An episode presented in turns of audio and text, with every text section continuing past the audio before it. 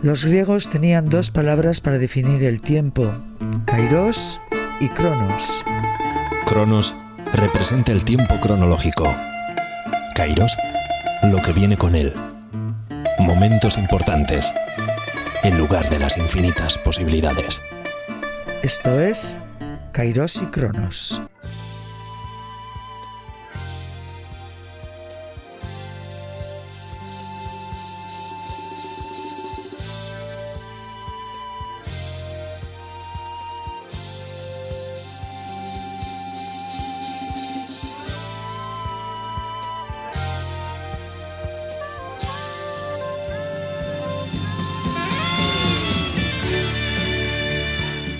Hola, ¿qué tal? Comenzamos este espacio con este conocidísimo tema del músico escocés Jerry Rafferty.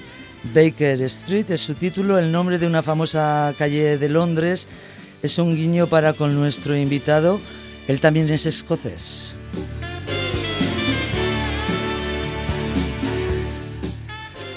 Baker Street, famosa por este solo de saxofón, brilla tocándolo Rafael Ravenscroft nuestro invitado lo hace, brilla con el silencio. Su nombre, Peter Roberts, de profesión mimo.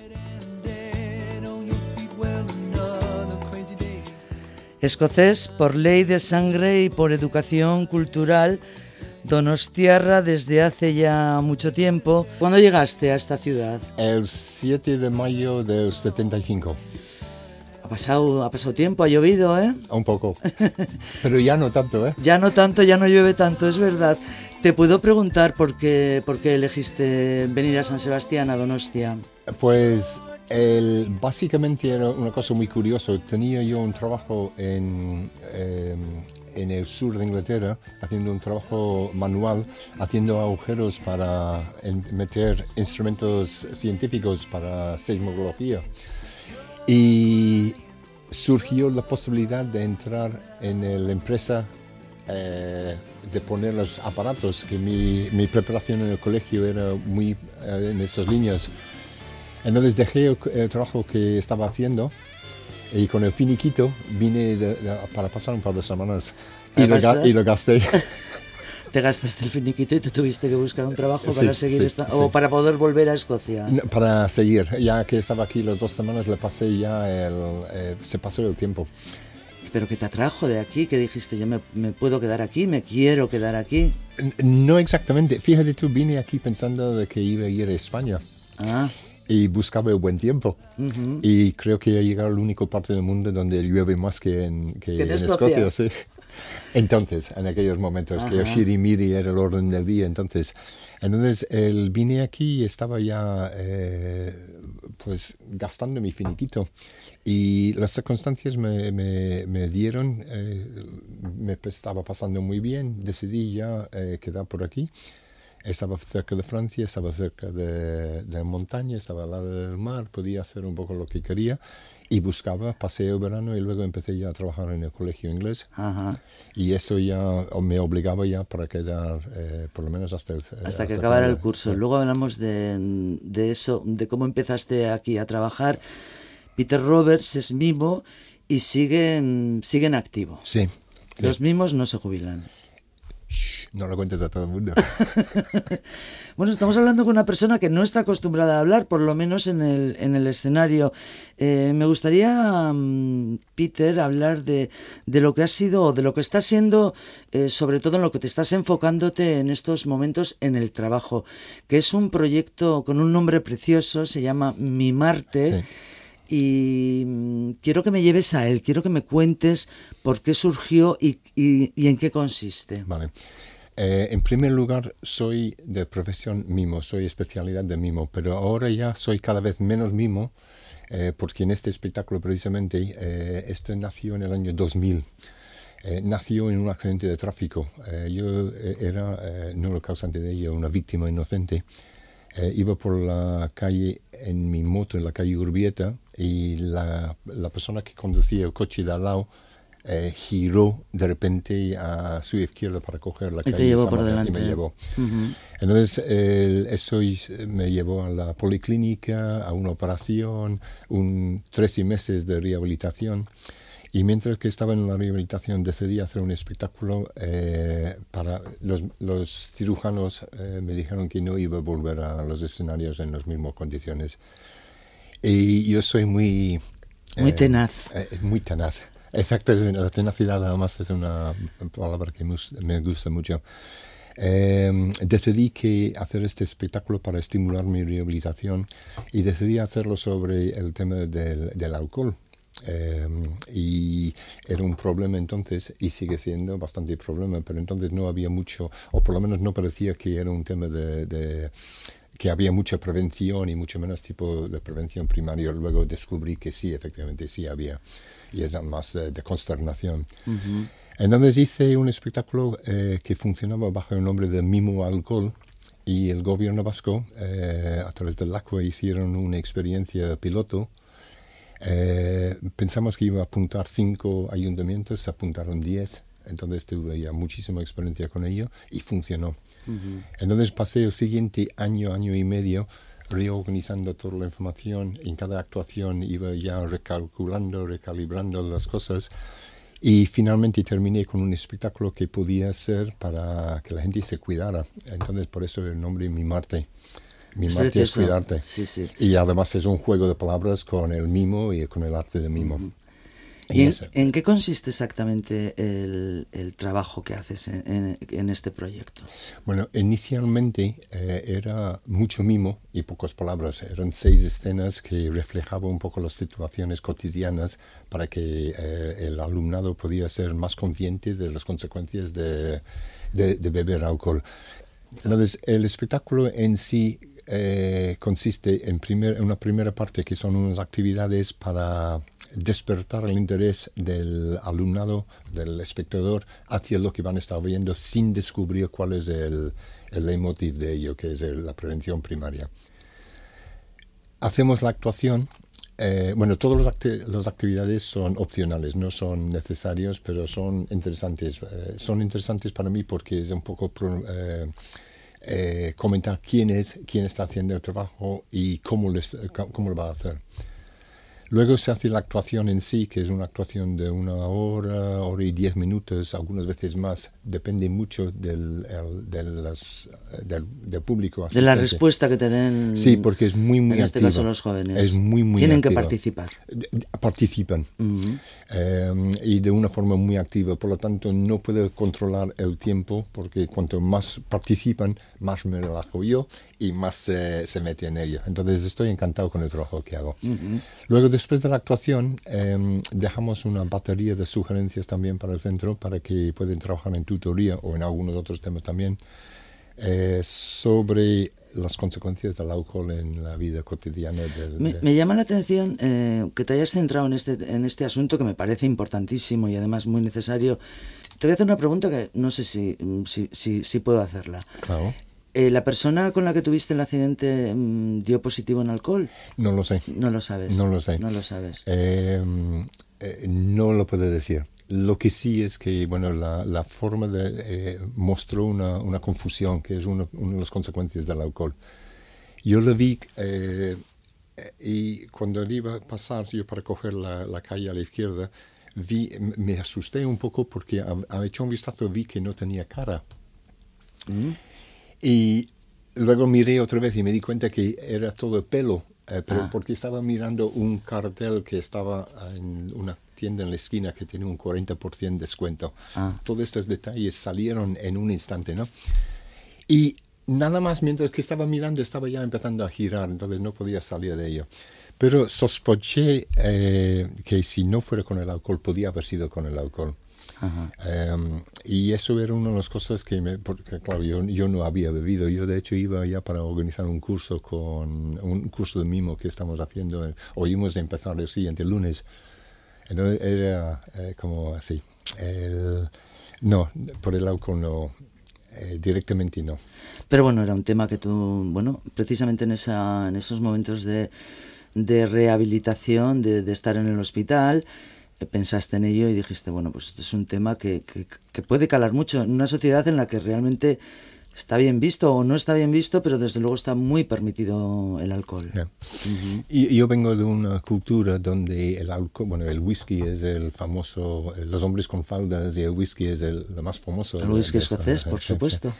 Y mi hermano eh, iba para ciclista, es, eh, es eh, era carpintero, iba para ciclista, que era fantástico pero se le pilló en el camino el alcohol y se le llevó por delante y ahora, bueno, sigue sufriendo las consecuencias de ello. Ya ha terminado con el alcohol, pero su vida terminó de ir hacia un lado, hacia el otro lado. Ha estado marcada por el alcohol. Entonces, esto, em, había una, un, episodio en su vida que estaba muy, muy cerca a, estos momentos en mi vida y uní estos, eh, todos estos factores a la vez eh, para decidir en, en mi Marte. Los chavales, los chavales y las chavalas, ¿cómo lo reciben? Em, Primero, ¿se lo pasan bien?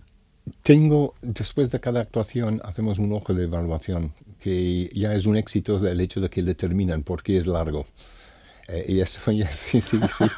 Entonces, el hecho de que terminen Bien, ya estamos terminando. Sí, sí, sí, sí, pero son muchas preguntas y reflejan todas partes. Reflejan un poco del espectáculo, un poco sus hábitos de consumo eh, y luego la de sus compañeros también, en forma anonimato.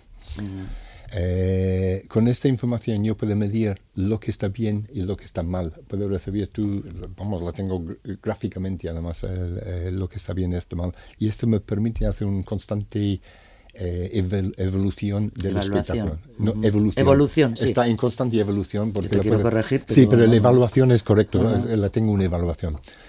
Em, y entonces lo sé que la mayor parte de ellos, eh, para, en algunas veces hasta el 98%, han pasado requete muy bien, han recibido mensaje, eh, e incluso en algunos de los puntos eh, que, que, refleja hasta un 100%, em, que es difícil de superar, pero vamos, estoy constantemente intentando hacerlo. Entonces, eso es lo que se hace después del espectáculo y eso da paso luego a las actividades en tutoría eh, con una batería de sugerencias que pueden tratarlo de todos, de, muchas formas diferentes. Son edades eh, eh, en esos chicos y chicas en los que se supone que a lo mejor ya beben o son más pequeños. Em, la estadística estatal dice que van a empezar a beber alrededor de los 14 años creo que ya ha bajado ya hasta alrededor de los 13 años. Yo cuando empecé a trabajar con estos grupos trabajé de 12 a 18 y con algunas veces con eh, profesión, em, formación profesional también, que puede variar mucho las edades. Em, pero con la experiencia me iba dando cuenta de que 13 y 14 años, los de segundo eso, es casi la edad mejor para hacerlo. Algunos están empezando con sus hábitos de consumo, la mayoría no, están muy cerca, su, su tejido social está acercando a ello. Em, los de primero son aún un poco más pequeños. Los jóvenes. Entonces no queremos las pistas tampoco. Claro, claro, claro. Que igual es el mejor momento, ¿no? En ese momento en que a lo mejor eh, les puede apetecer, es que, claro... Y tiene un poco más de libertad en casa, eh, les permite ya quedar un poco más tiempo fuera, entonces son un montón de... Eh, no tienen muchas cosas que hacer a esta edad, si no tienen dinero no pueden hacer muchas cosas. Claro. Entonces es muy fácil que su propio tejido social le arrasa hacia, hacia ello. Las cuadrillas y ese tipo de, cosas que, estamos acostumbradísimos a vivir. Me parece un proyecto pues estupendo, es en lo que estás ahora. Vamos a ese comienzo de tu etapa en Euskadi en el año 75. Se había muerto Franco, estaba a punto de estaba a punto de morir. Estaba a punto de morir. Luego, luego también hablamos de cómo, cómo viste nuestro, nuestra sociedad, nuestro país. Para ganarte la vida, lo primero que, decías era dar clases de, inglés. ¿A quién dabas? De inglés y de arte. Y de arte. ¿A quién dabas clases? Eh, bueno, tenía en el colegio donde daba clases, eh, había una clase de, tercero, una clase de quinto y una clase de octavo. En donde daba clase a todo eso. En la clase de tercero tenía la suerte de que, además de la clase de inglés, tenía un doble clase de arte eh, los viernes por la tarde. ¿Y lo compaginabas? Sí. Claro. Sí, no, era mi, mi trabajo, era, era así. Y además cuidaba la, la biblioteca del colegio, que, era, que era un trabajo bien bonito también. Em, pero la clase de viernes la condicioné a los alumnos de que si durante toda la semana en la clase de inglés se comportaban bien, el viernes la palabra arte era, son cuatro letras, es tan pequeño, pero significa tantas cosas. Y le decía que, bueno, tengo que comentar que antes de ello, que en aquellos momentos eh, el, el, trabajo de arte consistía en un libro que se llamaba Expresión Plástica. Y Expresión Plástica era un libro que se abría la tapa y dentro había un dibujo con color y el mismo dibujo eh, sin color. En blanco y negro. y, era colorear. Y los niños lo coloreaban. Y a mí me parecía bueno, que mal no está para, para sujetar el bolígrafo, los, los, los, los, colores y marcar, pero no era muy bueno en cuanto a enseñar. Eh, y les dije, pues mira, el arte es tan pequeño, pero significa tanto que si comportáis bien durante la semana, los viernes haremos arte de alguna forma o otro. arte en inglés. Eh, sí, eh, en, Oye, No, no, no. Arte, arte eh, dibujo, poesía, lectura. Em, íbamos haciendo un poco de todo. Y teatro era un aspecto de ello. Y a mí me encantaba el, mimo. Em, y el teatro tenía un, un problema que no había dinero para los atrezos. Claro. Entonces, bueno, los espectadores no lo pueden ver, pero igual lo puedes describir. Yo, yo buscaba una escena y decía, pues necesitamos, por ejemplo, en la calle. ¿Qué hay en la calle? Pues hay tiendas, pues mira, un tendero tal. ¿Y qué más? Hay un autobús. ¿Y dónde para el autobús? Pues en una parada del autobús. Y tenía ya un, niño haciendo la parada del autobús, tal cual. Y eso podía cambiar, lo podíamos hacer que era una bandera con un fácil movimiento de los brazos y así. Entonces así empezó la clase de, como era el nivel de inglés de los estudiantes horroroso, ¿no? No, que va, ¿Ah, estaba, pues estaban algunos, eh, habían estado un poco, otros un poco más, eh, estaban aprendiendo y yo, pues la verdad también estaba aprendiendo, yo para estar con ellos estaba claro, Claro, a ti lo que te gustaba en realidad, no sé si, si, si se puede decir esto, que lo que te gustaba en realidad era el teatro. Sí. Sí. Eh, no, sí y no. Em, eh, las circunstancias son fantásticas, la vida es increíble, eh, cómo te lleva de un lado para el otro. Em, luego lo podemos comentar con eh, una canción que hay sobre este tema. Perfecto. Pero yo cuando estaba ya en adolescente en el colegio, un día un alumno mayor que había dejado el colegio volvió para enseñar lo que estaba haciendo en la Escuela de Arte Dramático y nos enseñó algunas historias de mimo. Y estuvimos todos en la sala audiovisual con las luces apagadas. tenemos entonces audiovisual, había televisión en la esquina así, o pantalla grande. Y él entró, hizo tres historias de mimo y a mí me impactó. Y, y eh, quería hacer mimo. Eh, me impactó. A partir de ahí, pues me iba a casa, me iba al cuarto de baño. cada vez que enfadaba con mis padres, por ejemplo, me iba al cuarto de baño, cogía jabón y. Uh, y era eh, un poco, pues, para mí el teatro estaba fantástico. O sea, que hacías mimo ya eh, en, tu casa. En, sí, y con mis amigos. Con, cuando íbamos, pues yo un día en el salón con dos amigos salí y decidí ofrecerles un té ficticio y entré con una bandeja y le ofrecí y me la cogieron y bebieron de ella y me di cuenta de que podía ser un juego. Eh, era un espacio lúdico que podía compartir. ¿Fueron tus comienzos en tu Escocia natal? ¿De qué, de qué ciudad o de qué localidad eres? Bueno, natal, mi natal es cerca de Londres. Ajá. Eh, mis, eh, Qué bonito es. ¿Prefieres que la escuchemos y luego hablamos de todo esto? Sí. Venga, perfecto, escuchamos. Doris Day. Whatever will be, will be. The future's not ours to see. Que será, será. What will be, will be. When I grew up and fell in love. I asked my sweetheart what lies ahead. Will we have rainbows day after day? Here's what my sweetheart said. Que sera, sera. Whatever will be, will be. The future's not ours to see. Que sera, sera. What will be, will be. Now I have Es la primera pausa musical en esta conversación que mantenemos con Peter Roberts. Es con la voz de la cantante y actriz estadounidense Doris Day, cuyos inicios profesionales se dieron en la radio. Después ya se consagró en el cine y en la película del año 1956, El hombre que sabía demasiado, de Alfred Hitchcock, cantaba esta canción ¿Qué será, qué será? que por cierto ganó el Oscar a la mejor eh, canción de ese año, aunque creo que ella, Doris Day, prefería otra, otra canción de la misma película que también cantaba, pero las cosas fueron así. Peter, eh, ¿qué significa esta canción para ti? Eh, yo de pequeño jugaba mientras que mi madre limpiaba la casa, yo jugaba igual con los, las sillas en el, en el salón que estaba ya encima de la mesa, yo lo bajaba, hacía un espacio eh, un, un, cohete espacial y cosas así. Y esta música siempre estaba en el fondo. Em, en mi madre, y cuando no estaba la radio puesto, mi madre estaba cantando, le debe haber encantado ella. Pero yo me lo pego mucho, lo oí constantemente eh, y durante muchos años. Em, y llegó un momento de que entendía lo que significaba pero no estaba totalmente de acuerdo con ello. Em, como hemos dicho antes, yo soy muy tenaz y parece que le he sido siempre. Entonces, si iba por algo, em, normalmente lo conseguía.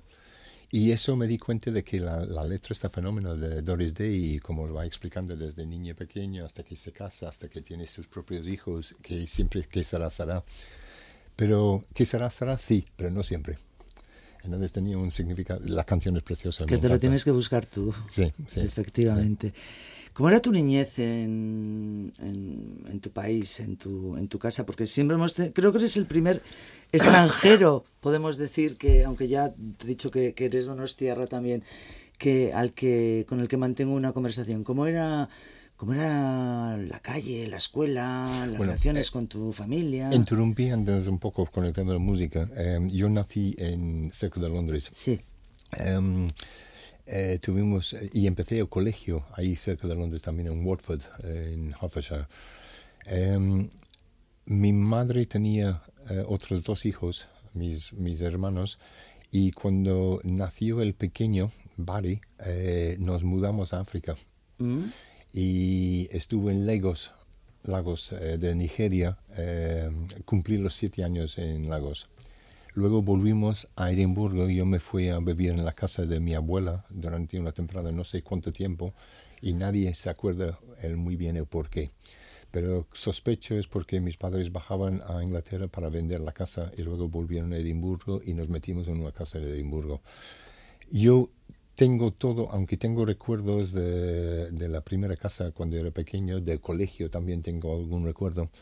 Eh, me acuerdo muchísimo de África, pero donde empieza mi vida de verdad está en Edimburgo, en el colegio en Edimburgo, eh, y eso es lo que más me acuerdo. Eh, me acuerdo de, de mucho, mucho, tengo muy buena memoria, entonces me acuerdo de mucho, mucho, mucho de todo lo que pasó en Edimburgo. ¿Y qué pasaba? Cuéntame algo. De todo. De todo.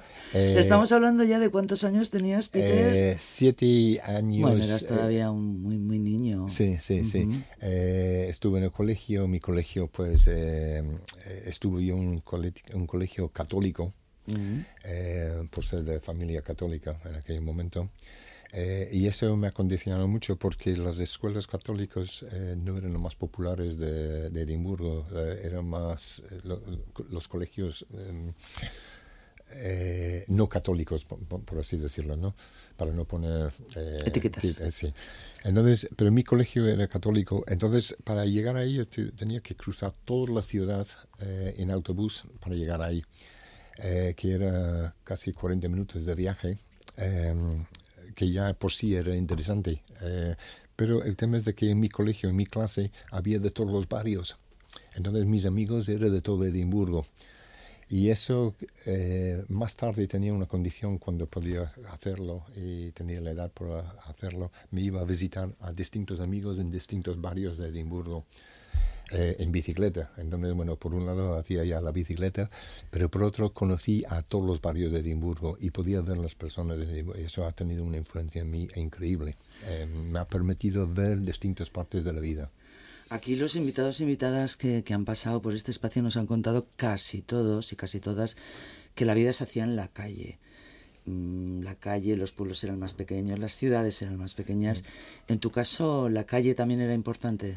Eh, las personas eran importantes, y las personas estaban en la calle. Mi casa, bueno, sí, eh, mi, mi familia era importante, mi, mi, abuela, por supuesto, había bebido con ella. Mi abuelo, que es un personaje muy, muy curioso, eh, si surge en algún momento, ya le contaría alguna Ahora mismo, por ejemplo. Bueno, anécdotas sobre él. Eh, era, un, era un tipo muy, muy curioso. era... Yo de pequeño eh, siempre se dice que la educación de uno empieza 25 años antes con la educación de su padre o de sus padres, ¿no? Em, mis padres me, por así decirlo, mi madre me hizo andar con Biblia encima de la cabeza para que pudiera andar recto por la vida. Es un poco exageración, no es exactamente así. Pero aprendí todo de ellos, aprendí muchísimo de ellos. Em, y la honestidad era una cuestión que era, eh, era necesaria. Eh, sí, sí, sí. No, no había otro. Vamos, eh, de hecho, nos, nos enseñaron que la honestidad es un regalo que se hace uno a sí mismo. Em, pero hay una anécdota de mi, de mi abuelo que refleja un poco de cómo era. No sabemos muy bien si es verdad o no, pero eh, él cuando jubiló eh, había estado limpiando ventanas en un barrio pues, durante una temporada, tenía un buen trabajo después de todos sus trabajos. Y de hecho yo le ayudé, yo empecé ya eh, limpiando ventanas, para conseguir dinero para el fin de la semana. Entonces él buscaba otro trabajo un poco menos duro y había conseguido un trabajo en un, en un casino como vigilante de noche. Y aquí es donde viene la mentira o donde viene la verdad, no estamos muy seguros, pero refleja cómo es él. Eh, él dijo que había ido por la entrevista y le dijeron que necesitaba ya una persona honesta. Y él sacó la cartera y dijo, pues mira, aquí tengo precisamente el recibo de 10 celinas que había encontrado en la calle hace un par de semanas que le entregué a la policía. No sé si esto refleja. Si eso es honestidad o no. Pero, sí, pero la cogieron por el trabajo. Pero no sabemos que, y posiblemente él, pensando que iba a estar ya en un trabajo que le iban a exigir algún tipo de prueba de honestidad, entregó 10 celinas libremente a la policía cogió el recibo y a los seis meses se devuelven todas las cosas que no están reclamados. Le devolvieron los, los seis chelines. Eh, sí, entonces no sabemos, eh, yo sospecho que era un, un, ¿cómo se llama? Un, una maniobra suya. Una maniobra, un gag que quería, que quería hacer. estamos hablando de una Inglaterra en la que bueno había participado en la Segunda Guerra Mundial tampoco había pasado tanto tiempo no en tu niñez desde que desde que acaba la guerra. Eh, no vimos eh, en, en, todo el tipo de coches eh, las cajas de las galletas encima de la mesa la ropa incluso em, yo no, pero mi padre hablaba de que cuando era pequeño había personas que no tenían zapatos. Entonces jugaban fútbol en la calle con, pues, descalzos. Descalzas. Entonces, eso era un poco antes, antes de la guerra, pero vamos, el, reflejaba un poco, sí, estamos en las consecuencias de la guerra. También viste un cambio muy grande, viste cambiar la sociedad en esos años hasta que, hasta que te viniste aquí prácticamente cambió completamente el país, ¿no? La televisión eh, empezó eh, cuando yo era pequeño, hasta entonces era todo la radio. Eh, la radio escuchamos en todas partes. Yo creo que eh, Elvis era otra de las cosas que oí constantemente, ¿no? Pero eh, la visto en la televisión nacer, la he visto la televisión en, en color eh, empezar también. Y aparte de ahí había un enorme cambio en, en, todo. Eh, toda la sociedad cambió. Luego empezaba a cambiar el estilo de los coches, las, las medidas de seguridad en la carretera, la, cambió todo. Cambió todo. Cuando llegase a Euskadi en el año 1975 decíamos eh, antes que, que, Franco todavía no había muerto, estábamos en pleno franquismo. te chocó cómo vivíamos aquí, cómo era la sociedad, cómo, cómo estábamos, no lo sé. me acuerdo andando por la calle y viendo, entonces eran los grises. Eh, y me, de hecho me paraban algunas veces, eh, yo tenía eh, entonces pelo largo era un poco la, la, moda y así. Y me acuerdo estando ya parado algunas veces, seguramente solamente por tener eh, el pelo largo y por ser joven. Eh, nunca pasó nada, eh, pero era una cuestión de identificación y luego. Entonces le he visto las grises por todas partes. Luego hubo un, lógicamente un cambio. El, el, día de morir Franco estuve yo dando clase y se cerró el colegio ese día eh, tuvimos que cuidar a algunos niños que venían ya que no podía hacer otra cosa, entonces estaban ya metidos en las aulas, pero básicamente la escuela estaba cerrada ese día. Y sí, he visto mucho cambio, mucho de lo que... Eh, y la forma de las personas también, todo. Peter, vamos con la segunda de las canciones, hablamos de ella, porque creo que también tiene su historia esta canción. That's what my mama told me when I was about knee high. She said, son, be a proud man and hold your head up high. Walk tall, walk straight and look the world right in the eye. All through the years that I grew up, Ma taught these things to me. But I was young and foolish then and much too blind to see. I ignored the things she said as if I'd never heard. Now I see and understand the wisdom of her words. Walk tall, walk straight and look the world right in the eye. That's what my mama told me when I was about knee high. She said, son, be a proud man and hold your head up high. Walk tall, walk straight and look the world right in the eye. I started going places where the youngsters shouldn't go. I got to know the kind of girls it's better not to know. I fell in with a bad crowd and laughed and drank with them. Through the laughter, Mama's words would echo now and then. Walk tall, walk straight and look the world right in the eye. That's what my mama told me when I was about knee high. She said, son, be a proud man and hold your head up high. Walk tall, walk straight and look the world right in the eye. I got in trouble with the law and I'm in prison now. Through these prison bars I see things so much different now. I've got one year left to serve and when my time is done, I'll walk tall and straight and make Ma proud to call me son. Walk tall, walk straight and look the world right in the eye. That's what my mama told me when I was about knee high. She said, son, be a proud man and hold your head up high. Walk tall, walk straight and look the world right in the eye. Walk tall, walk straight and look the world right in the eye. Walk tall. Segunda de las canciones elegidas por Peter Roberts, Walk Tall, una de las canciones de más éxito del cantante irlandés Val Dunningham, que en los años 60 triunfó en el Reino Unido. Anda recto, ¿no, Peter? Sí, anda recto. ¿Y qué pasa? ¿Que andabas torcido? Eh, pues efectivamente sí, eh, sí, efectivamente, pero eh, eso está relacionado un poco con la educación de, lo que comenté antes. tiene, tú andar recto quiere decir ser orgulloso de, de quién eres. Y la canción me impactó mucho, pero tenía otro impacto yo estaba ya empezando a salir con mis amigos, estaba empezando todo el movimiento hippie eh, mis vaqueros tenía, pues como hoy en día la, raza así, ¿no? y el pelo estaba empezando a ser largo, pues yo creo que me tapaba ya un poco la oreja en aquel momento. Eh, y mi padre un día me vio desde la cocina. Eh, nosotros vivimos en un tercer piso y yo iba por la calle con, con mis compañeros. Creo que llevaba sandalias o posiblemente iba descalzo. No, no, no, esto yo no me acuerdo. Eh, y mi padre, me, cuando llegué a casa, me dije, desde luego pareces una marca interrogativa andando por la calle.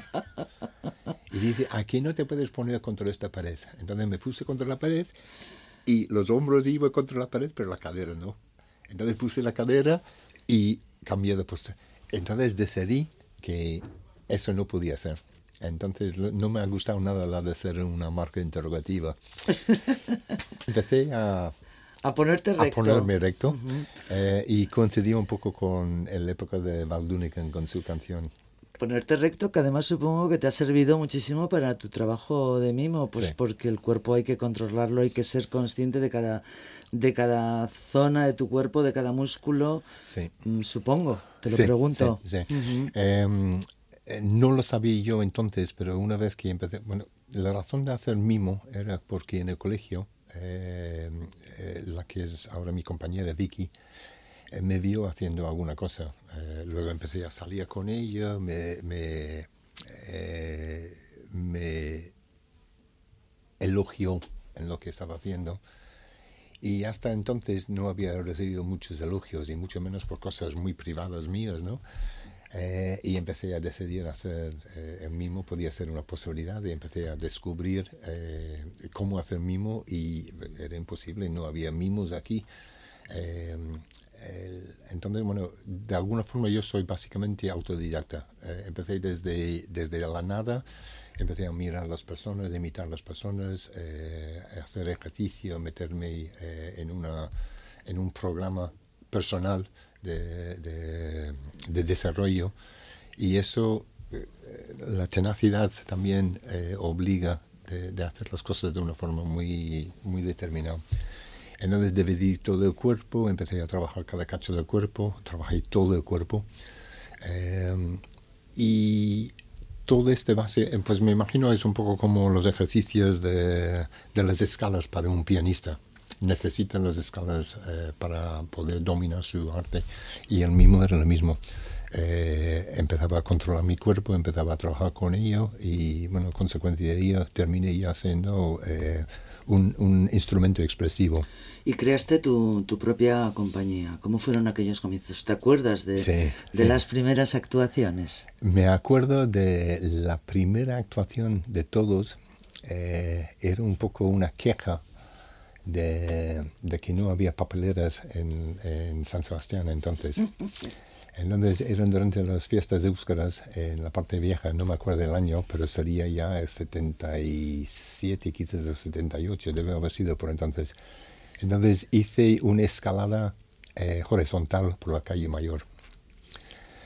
Y al final eh, en el tema de buscar un... Eh, tenía que parar, paré en un escalón, claro, sentado ya en, eh, con el escalón, con los pies para allá, así, y empecé a, a comer un, un, bocadillo que estaba ahí envuelto en un, en un papel Después de comer un poco de ello, después de terminar un poco, tenía que buscar un sitio para y no había. Entonces eso me generó una caída, iba cayendo por toda la calle mayor hasta llegar a las puertas de, de Santa María. De Santa María. Haciendo volteretas, saltos y así. Entonces como si fuera una caída eh, de verdad, pero en vez de vertical, en horizontal. Esa era la primera actuación. Estuvimos ya preparando varias personas para, para trabajarlo. Y luego a partir de ahí eh, empecé a dar clases de de, de, no, hice el primer espectáculo. El primer espectáculo fue el 17 de abril de 79. Eh, la Caja de Oros me dio el espacio en la calle Arásate, entonces era el Hermanos Iturino. Sí. Eh, y salí al escenario, Vicky eh, estaba controlando las luces, entonces yo estaba atrás de la cortina y me di cuenta de que un minuto Vicky dice, bueno, voy a poner las luces. Y ella desapareció. Estaba un minuto, el espectáculo iba a ser una hora. Y aquel minuto era tan largo, era, era, eterno. eterno eh, perpetuo incluso, ¿no? Eh, y de repente se encendieron las luces y la hora se pasó en un instante. Volando. Sí. Y me di cuenta de que para eso no es eh, tan importante un espectáculo así, pero por ejemplo la persona que está en la guillotina, y que oye cortar la cuerda y hasta que llega, tiene que tener ahí tiempo para pensar y repasar absolutamente todo eh, mil veces, eh, porque eh, tiene que ser larguísimo esto en una cosa tan fundamental. ¿no?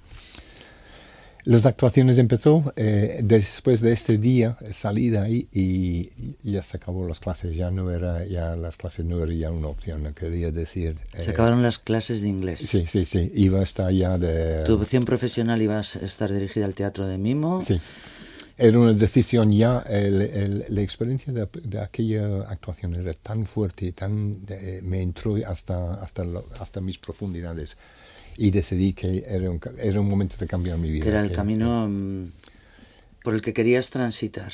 Y a partir de ahí empecé ya el, el, año siguiente, para septiembre del año siguiente ya estaba ya eh, haciendo trabajos en la calle, estaba en fiestas populares, estaba empezando ya a conocer como en el escenario. La interpretación, en tu caso, mm, eso como lo diría yo, el arte del, silencio. Eh, ¿cómo, ¿Cómo se puede definir un mimo? Porque yo evidentemente creo que no se trata solo de hacer gestos, ¿no? que, de, que hay que interiorizar emociones, mm. sacarlas y que el público las, las comprenda o las, las haga suyas ah. también. Bueno, es, eh, el mimo es el arte de contar historias. Eh, sin recurrir a, a la voz, eh, sin recurrir a la palabra. Porque la voz sí se puede usar, o sea que, por ejemplo, go, go, go, em, pero no, no, es necesario, se puede hacerlo en silencio y sin, sin decorados y así. Entonces es el arte de contar historias sin recurrir a la palabra. Eh, pero para hacerlo hay que hacerlo de una forma como si fuera con eh, un, una lupa delante de la acción. Entonces yo eh, pienso lo que voy a contar. Le busco la emoción para hacerlo y luego le busco las expresiones, la, expresión corporal para hacerlo. La pongo en escena, pero la persona que está delante de mí viéndolo, la tengo que usar su mente como un lienzo, la tengo que pintar en su mente. Entonces, ¿cómo lo hago? Primero le hago el gesto y él reconoce el gesto en su propio en su propia vida con ello le, reacciona con su estado emocional con ello y luego le interpreta lo que lo que, lo que estoy haciendo yo podía estar eh, pues igual dando de comer una, una, gallina y él puede pensar otra cosa, pero vamos, la, idea es que él piensa que estoy dando de comer una gallina. Ah. Eh, y es haciendo, eh, siendo lo suficiente grande eh, para que él pueda ver el gesto directamente y luego traducirlo a su propio mundo. ¿Cuánto hay de, técnica o, qué clase de técnica tenéis que, tenéis que aprender los mimos? En tu caso, tú como mimo. Em, me has dicho que eres autodidacta, que te lo has tenido que, que, bueno, que casi casi inventarlo tú, ¿no? Pero me imagino que te habrás empapado de, de cosas, que, de, historias de, otros mimos? En, en mi al principio, cuando estaba empezando, eh, tuve la suerte de que en, en, Madrid había un mimo, un mimo belga que se llamaba Frederick Van Mel. Él, estaba en Madrid en aquel momento y estaba ofreciendo un, un curso. yo tenía un coche, un coche inglés, eh, y bajaba todos los lunes por la noche quedaba en casa de familia de Vicky. El martes tenía dos horas de clase el, de, de 4 a 6, de 2 a 4 creo que era, en un teatro en el centro de Madrid. Y luego el miércoles estaba libre, el jueves hice otra vez las dos horas de clase y luego cogí el coche y venía para San Sebastián. Y a las dos semanas ya no tenía dinero, había ido a cuatro clases, eh, el curso iba a durar mucho más, pero me di cuenta de que eh, si seguía con esta clase iba a aprender su sistema, su eh, forma de hacer Su manera de trabajar. Y yo no, no quería eso, yo quería mi forma de trabajar. Entonces, pues usando como el mínimo el, lo que aprendí con ella, de, andar de un lado para el otro en grupo y hacer algunos ejercicios, eh, eso era lo suficiente para empezar ya a... me metí con Charlie Chaplin, con todos eh, los, los, actores y actrices del cine mudo. Sí, efectivamente. Que eran mimos, evidentemente. básicamente, básicamente, pero tenía decorados alrededor que les ayudaban mucho. Pero me metí con ellos y aprendí todo, todo, todo lo que podía. Y los imité. Y los, eh, y los robaba sus técnicas y, cosas. Entonces eran los principios. Técnicas sí, hay, hay, hay técnica. Y hay algunas técnicas muy interesantes. Em, la forma de andar, por ejemplo, la forma de andar ficticio, tú no mueves, pero tenéis que hacer como si estuvieras moviendo. Entonces esto se pone eh, que tenéis que mover las piernas de una forma para que parecen que estás trasladando en el espacio. Lo que haces tú es hacer los movimientos y traer el espacio hacia ti. Es bonito. Es, Peter Roberts, tú has tenido una actividad muy, muy dilatada. Eh, además de, esas actuaciones, eh, nos has hablado de la, de la docencia, dando clases para ser mimo o enseñar a ser mimo. ¿Cómo ha sido esa experiencia? Fantástico. Sí. Sí, porque la primera vez era después de la actuación de La Caja de Oros, eh, un grupo de gente venían y me pedían a ver si podía enseñarles algo de mimo. Y a mí me resulta muy difícil decir que no. De hecho, tenemos en Escocia un refrán que dice, solo dice no si te duele. Entonces él le decía que no, eh, eh, no era una opción, que sí. Entonces tenía, estuve dando clases de, de, gimnasia de expresión corporal a unos eh, alumnos con ay, no me acuerdo la palabra que se le, no son alumnos de colegio normal, son alumnos con necesidades especiales. Con necesidades especiales, sí. Y en cambio de darle una clase eh, una vez a la semana como de gimnasia, me dejaban usarle el gimnasio para, para, para, mí, para mis ensayos y cosas así. Entonces daba la clase, ofrecía el curso y pensé que iba a haber pues X personas y se apuntaba el doble. Entonces, que claro, yo, yo pensando que iba a ser solamente un máximo de 12 en cada clase, pues de repente tenía dos clases de, de 12 que eran 24 y no sabía mucho lo que estaba haciendo. Entonces eh, la experiencia era fantástica porque eh, experimenté con el primer grupo, con un montón de ejercicios, muchos de los que iba inventando, y según lo que salió de ello, en el segundo grupo los puse los que funcionaban mejor en el segundo grupo. Pero claro, cuando llegaba a casa esa noche, tenía dos veces el mismo ejercicio para trabajar y pensar sobre ello. Y era fantástico. Y esto dio paso eh, muy enseguida con profesores de, de, de, educación, de, sobre todo con eh, los más pequeños, que se apuntaban mucho del de, LGB. Es que los niños y las niñas son un poco mimos, ¿no? Eh, sí, usan el, pues sí, juegan. No tienen el espacio eh, abstracto, no, no controlan el espacio abstracto, pero sí juegan y inventan cosas. La veo ahora con mi nieta, que ahora se mete en el autobús y, se va por el salón como si estuviera en el autobús y hace ding con, con el ticket y todo.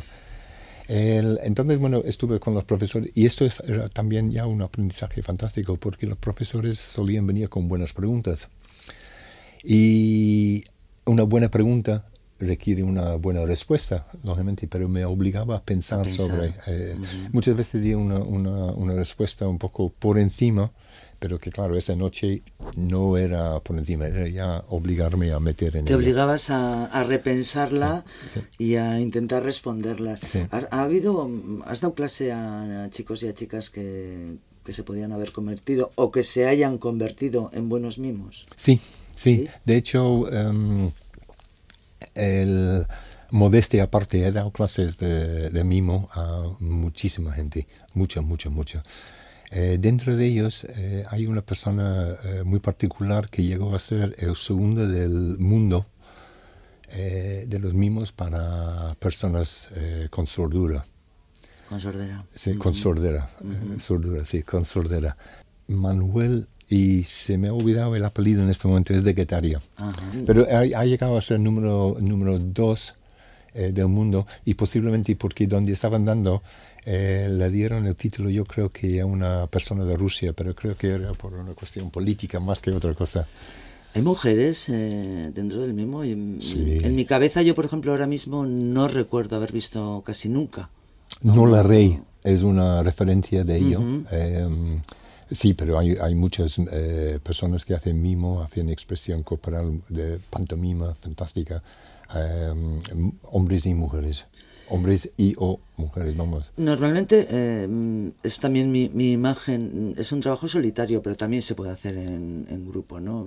sí, pero incluso, incluso trabajando en, en el mimo eh, estricto, incluso trabajando en grupo, cada uno está trabajando solo. Eh, se coordina las actividades. Pues, por ejemplo, yo voy a tirar de una cuerda y voy tirando, eh, el espectador no puede... Está tirando ahora de la cuerda y yo estoy viendo cómo tira la cuerda. Mientras que yo tiro de la cuerda, eh, si hay otro actor haciéndolo, él tiene que estar empujando la cuerda, por así decirlo, ¿no? Vamos, una cuerda no se empuja, pero eh, si fuera una barra. Entonces yo estoy haciendo la ilusión de estar tirando la cuerda y él tiene que hacer a la vez la ilusión de estar empujando. Por lo tanto, está trabajando totalmente eh, individual. De forma individual. Pero a la vez estamos coordinando los movimientos para que parece una, cosa entre dos. Hablamos de, un libro, un libro tuyo que se editó en el año 1983, reeditado en 1991, creo. El libro se titula Mimo, el arte del silencio. ¿Cómo fue escribir un libro, eh, poner palabras para ese arte del silencio?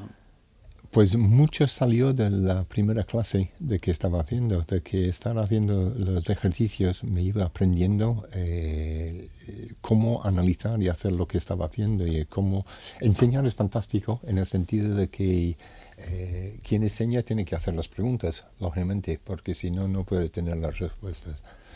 Y iba yo eh, apuntando a todos mis cursos, todas las clases, y eso me dio la forma de hacer un un análisis de, quién era yo, de cómo movía el cuerpo, y claro, traducir eso para pasarlo a otra persona tenía que ser muy, eh, muy exacto, muy, muy, muy explícito. Muy, claro. Muy claro. Y según los comentarios de la gente de, que la han usado el libro, dicen que funciona así, está, está muy, muy fácil de, de usar. Peter, sin palabras se puede decir todo. No. Pero se pueden decir muchas cosas. Sí, pero no se puede decir que este color. Ya. Entonces, este color, no, este tamaño sí, esta forma tal, pero el color no lo puedes describir con, con el mismo. Los gestos, quizás la forma más antigua de comunicarse a través de estos, em, del cuerpo, del silencio, se transmiten sentimientos que las palabras a lo mejor no pueden definir. ¿Eso mm, lo podemos decir así? Sí, sí. Em, ¿Cómo lo podemos decir más exacto? Em, el hombre prehistórico necesitaba eh, comunicarse con sus, sus compañeros para hacer la caza, pero no podía hacerlo con palabras porque entonces eh, levantaría la presa y se escaparía. Entonces tenía que ser capaz de hacerlo con el gesto. Y lo hacía muy bien. vivimos gracias al hombre prehistórico y su, su caza. Vamos a escuchar la última de las canciones, que es la que nos sirve también para despedirnos de, de, este, de esta conversación.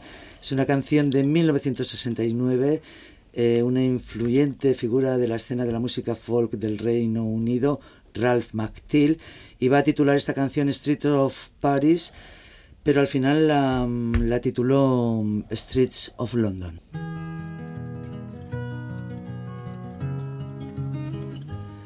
Una canción que habla mm, de la gente con problemas, de, gente pobre, de gente sin techo, solitarios, gente ignorada por la sociedad. Una canción que otros muchos artistas también la han hecho suya.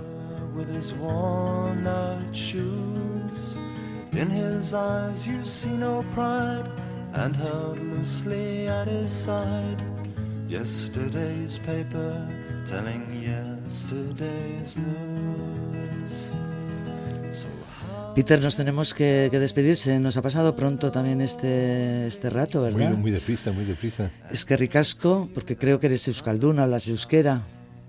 Eh, Vale. Y nice. Muchísimas gracias por haber compartido este, este rato con nosotros y habernos contado estas historias tan, tan bonitas. En la técnica, Beñat Argoyen, el saludo de Marijose Villaverde. Gracias, Peter. Hasta, hasta pronto. Espero que nos volvamos a ver enseguida. Esto es todo. Agur. Her clothes in rags. She's no time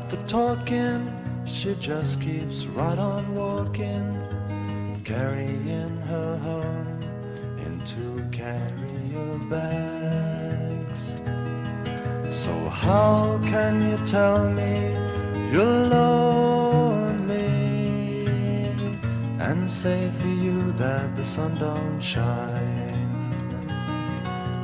Let me take you by the hand and lead you through the streets of London. show you something to make you change your mind.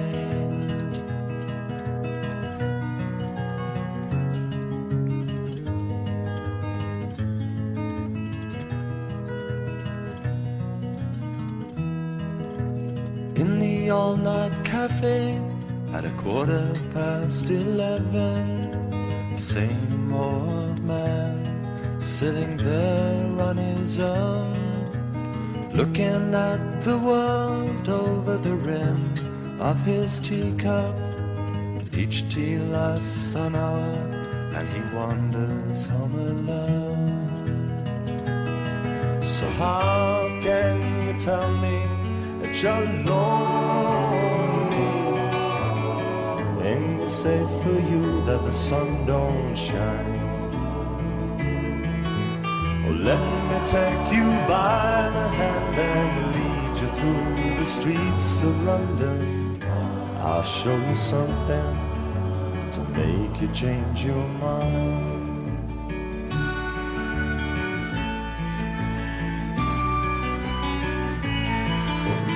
Have you seen the old man outside the seaman's mission? Memory fading with the metal ribbons that he wears. And in our winter city, the rain cries a little pity for one more forgotten hero and a world that doesn't care. So how can you tell you're lonely and just say for you that the sun don't shine? Let me take you by the hand and lead you through the streets of London. I'll show you something to make you change your mind. Were you ever tempted to call the streets of London the streets of Paris, Ralph? Well, it was going to be that. And I, I, had it in my mind that that would have a, a lovely ring to it. And then I started thinking, somebody reminded me there was a song called The Poor People of Paris, or a tune called The Poor People of Paris. And I thought, well, if you know, this situation is not just confined to this city, it's everywhere. And, and London, which I know even better, has, you know, just the same characters.